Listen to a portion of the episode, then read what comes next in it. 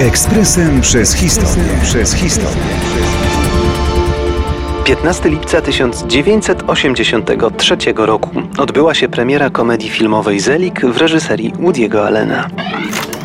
To jeden z najwybitniejszych filmów reżysera, który często mówi o sobie, że nawet nie udało mu się otrzeć o wielkość. W jego przypadku to nie kokieteria, raczej konstatacja artysty stale zapracowanego i stale przygotowującego niemal co rok nowy film.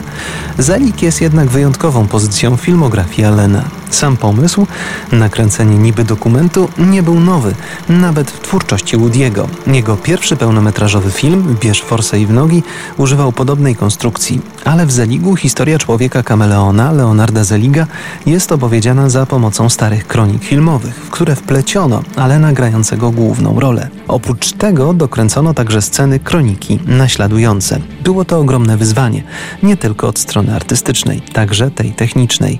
Jakby tego było mało, Allen jednocześnie kręcił inny film. Pod warstwą komediową ukrywa się jednak ważna myśl przewodnia. Jak bardzo upodabniamy się do innych, by im się przypodobać, by zdobyć lepszą pozycję majątkową czy społeczną. Allen oczywiście nie stroni od absurdu. Grany przez niego Zelik staje się lekarzem, Indianinem, Chińczykiem, ciemnoskórym, otyłym i tak dalej. Jeden z recenzentów napisał po premierze: To silny faworyt do zostania najbardziej fascynującym filmem Allena.